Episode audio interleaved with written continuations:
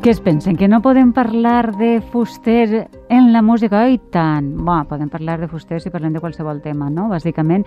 Isabel Ferrer, com estàs? Bona vesprada. Bona vesprada. Però avui ho filem la música amb l'any Fuster, amb què estàvem parlant ara amb el comissari i, i ara la secció musical també la centrem. Sí, enganxem tot perquè efectivament farem un xicot tast, ja que Joan Fuster va ser un gran intel·lectual, però a més va ser un gran melòman que va escriure molt mm. sobre música. Aleshores anem a traçar una xicoteta panoràmica sobre el seu pensament, un parell d'idees i molta música. De fet, d'entre tot allò que va escriure, el que més destaca és que va fer-ho sobre molts tipus de música, des de clàssica fins a música tradicional, popular, qüestions de tipus sociològic, ball, discoteques, de tot. llarg, etc. De tot. Uh -huh. eh, si haguem de definir eh, en una frase a Fuster i la seva relació amb la música, quina seria? Vull, no sé si és possible, eh? o hi hauria moltes frases possibles. Hi hauria moltes frases possibles, si la mm, resposta, molts titulars. Tot i que encara no hi ha massa estudis sistemàtics sobre el seu pensament musical i alguna cosa, però mm, tampoc moltíssim. Hi ha un Fuster amb algunes idees que es, que es mantingueren més o menys estables a través del temps, i després hi ha molts Fusters amb idees que anaven i, i que anaven i tornaven i de vegades fins i tot no havien de ser del tot articulades, eh? que de vegades pensem que ha de quadrar tot i ha de ser sistemàtic i quan es pensa les coses mm, funcionen així i de fet ell ho, def ho definia, ho diu en algun aforisme. De tota manera, si pensem en esta frase que dèiem de resum, podria ser que la música és cultura en el seu sentit més ampli. De moltes formes hi ha moltes vessants que atenen a facetes molt diferents de l'existència humana. No sé ah. ell ho hauria fet millor, este resum. No, però... molt bé, molt bé. Més, és una idea molt bonica no? Sí, jo tinc l'impressió que hi tenia com un esquema mental de pensament bàsic, que avui en dia encara compartim molts, que és com l'existència d'una música culta i més seriosa, una música tradicional i moltes músiques populars. Mm -hmm. Però com era molt savi també tenia una intuïció enorme, i mateix s'anava com desmuntant aquestes mateixes idees. Sí. Per exemple, era conscient que moltes de les músiques que escoltem ara en una sala de concert, en el passat, eren músiques que tenien una funcionalitat que anava molt més enllà de ser escoltada assegut en, en una sala, sinó que servien per a ballar, per fer propaganda, per a la revolució i un llarg, etc. I això, com deia, ho sabia perquè tenia una cultura enorme que li feia detectar aquestes incongruències no? de, de present o, o de llegir textos massa senzills en, uh -huh. este, en este sentit. Entenem, entenem. I partint d'esta idea, eh, com hem d'imaginar Fuster escoltant música? Doncs pel que he llegit, exceptuant una etapa que va passar en, en la ciutat de València, vivint en València, jo diria que no era del tot assidu a concerts, eh? no podria confirmar-ho, però uh -huh. jo me l'imagino molt més a, a sa casa a de casa. Sueca, amb el tocadiscos, amb la ràdio... De fet, ell mateix va parlar del paper que tenien estos aparells electrònics a l'hora d'escoltar música perquè la, de, la, demo, la democratitzava, no? Eh, no calia disposar de massa potencial econòmic per a, per a sentir la ràdio. Eh, aleshores, perquè el desprèn d'algun text, a més, ell, a més de fer escolta activa i concentrada de música, també oïa, la oïa eh, mentre feia altres tasques, mentre treballava. Mm -hmm. I quina música escoltava? Doncs pel que li he llegit, i diuen els especialistes, eh, sembla ser que era molt, molt aficionat a la música de Bach i de Mozart, i de totes les músiques que va esmentant, podem citar-ne una, per exemple, que és una àrea que ell mateix destaca, que és el duet La Citarem la mano de l'òpera Don Giovanni.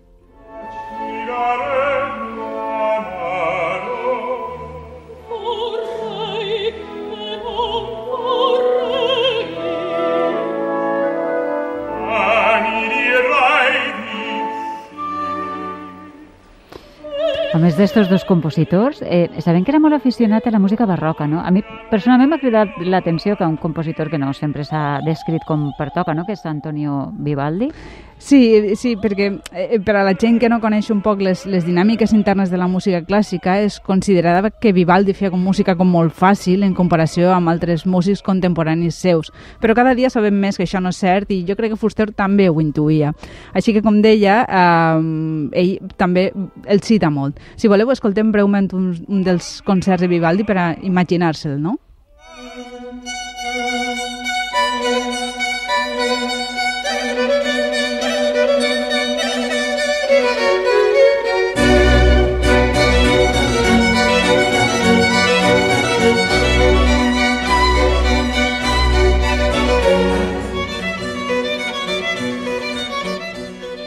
Escolta'm, m'agrada. M'agrada més l'òpera, eh? Sí. però sí. A mi m'agrada més Vivaldi, sí. Sí. Soc molt fan. Dic d'esta peça, eh, en concret. Sí. De les dues que hem sentit, eh, ara em suggeria més l'altra. És una de les més, de les més conegudes de Vivaldi, que estem escoltant, Mm. però si tornem a la selecció de Joan Fuster és difícil continuar perquè també era un gran aficionat a l'òpera, com hem dit, amb Wagner, Verdi, al piano, li agradava Chopin, i amb música més antiga que la barroca, eh, de l'època renaixentista, sí? i fins i tot també música contemporània de, de compositors que arribaren a coincidir en el temps amb ell, com Stravinsky o Schoenberg. Ah, fins ara hem parlat de les aficions musicals de Fuster, eh, Isabel, pel que fa a la música clàssica, no? Però entenc que també li agradava la música, la música que diem, no sé, lleugera?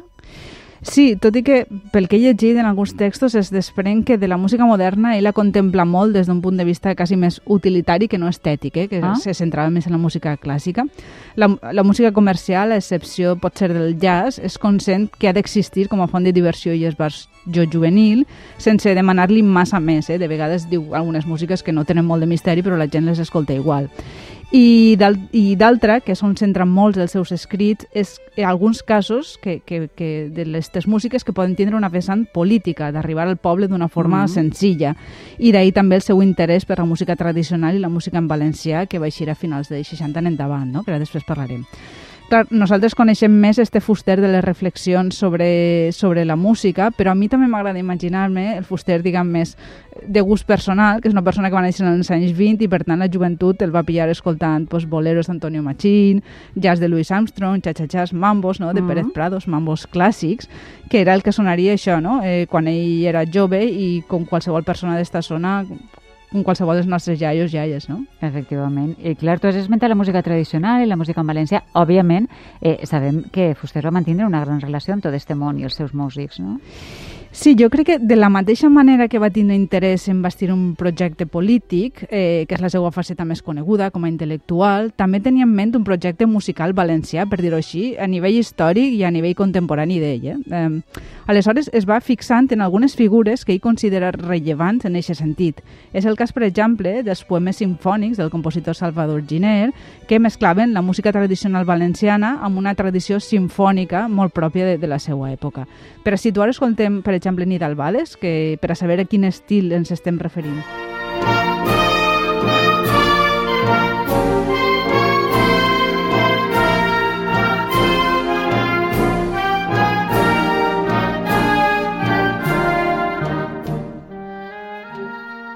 Aquesta peça és molt coneguda, no? Totalment, és Mm. un gran clàssic i, clar, a partir d'ahir, no, d'aquestes cites a, a compositors que considerava, eh, com deia, rellevants, té moltíssims articles referits a mostres de cultura valenciana més representatives, com la Sibila, el Ball de Torrent, les bandes, es lamenta no, de la pèrdua de vigència de, de la música tradicional, de la dolçaina, i després ja tenim tota aquesta part més coneguda, que és el seu gran recolzament a les noves generacions de músics d'aquell temps, des dels 16 jutges, el Tall, Espavessos o amb Raimon, que, que, que té una extensa correspondència amb ell. Mm. I a més d'això tinc la impressió no, que hi ha una faceta una miqueta més oblidada de Fuster, que és la de eh, el Fuster autor de poesies. Abans que ho comentàvem i sentíem Àngels Gregori reivindicar el Fuster poeta, jo també el reivindique. Quines relacions podem trobar entre esta producció i el món musical? Comparteix no, que esta visió de que el Fuster que millor coneixem és l'assagista intel·lectual, però és cert que té una producció poètica i pel que fa a aquesta relació musical jo crec que li dona molta importància a la música com a vehicle per a transmetre coses no? amb, amb lletra. I a més d'això hi ha una part molt interessant que són les musicacions que s'han fet de poesies seues eh, a més a més per part de compositors i compositores amb les quals ell tenia una bona sintonia professional i personal. Escoltem una d'elles en una lletra d'un jove fuster, escrita l'any 1948, que va musicar més tard Matilde Salvador. És una poesia que s'anomena Aravens. Ara que vens primavera,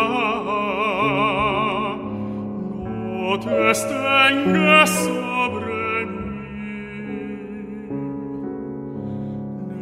Nega'm la cançó lleugera, l'amor breu del. I també per a veu i piano, Fuster va col·laborar amb Manuel Palau, en este cas, amb una de les poesies més emblemàtiques de Fuster, que és esta criatura dolcíssima. Criatura dulcísima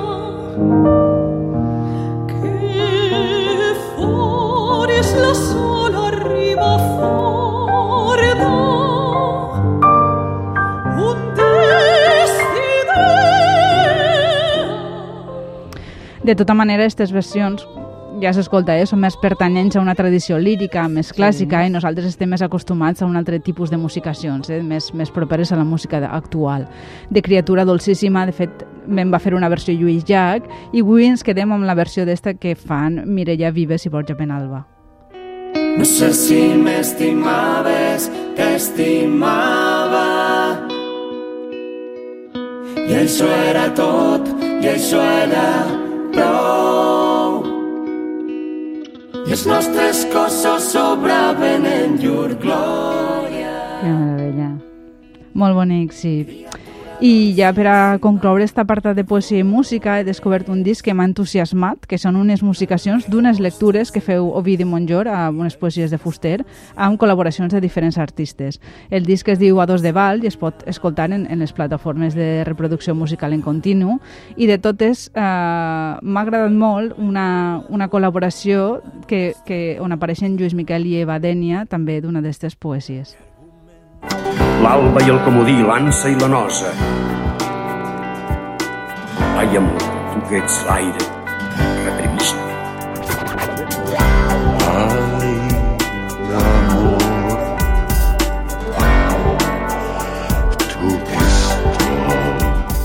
Escolta, podríem estar tota la vesprada, eh, amb aquesta música. Sí, m'ha semblat molt, molt bella esta, esta versió. Eh, doncs encara ens queda una cosa encara més complicada musicalment, que són aquelles persones que s'han atrevit a posar música ja no a poesies, sinó a prosa, de Fuster. Mm. És molt coneguda la proposta que feu Obrim Pas, la que obre el disc Terra, on afegeix una base electrònica, una intervenció de Fuster en un acte en defensa de la llengua en la plaça de Bous de Castelló, el 25 d'abril de 1982, que es pot trobar també fàcilment per internet.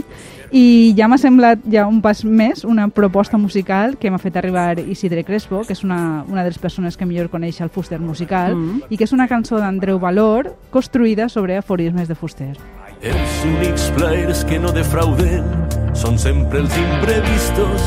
Si tens cosa a aprofitar, li atrau tant del perill perquè és conscient que altera la rutina. Reivindica el dret a canviar d'opinió. És el que us negaran els enemics més cruels. Que bo, no la coneixia esta, Mm. d'Andreu Valor. Mare, sempre fa coses de... molt interessants. Escolta'm, mm, quin goig parlar de fuster i parlar de música. Totalment. I, i parlar-ho amb tu i escoltar a totes aquestes, eh, totes aquestes propostes molt interessants. Un plaer, Isabel, com sempre. T'esperem la setmana que ve. Igualment, Que vagi la setmana bé. vinent. Adéu. L'han perseguit malversos i explosius, tantegen atemptats a l'any que jo vaig néixer.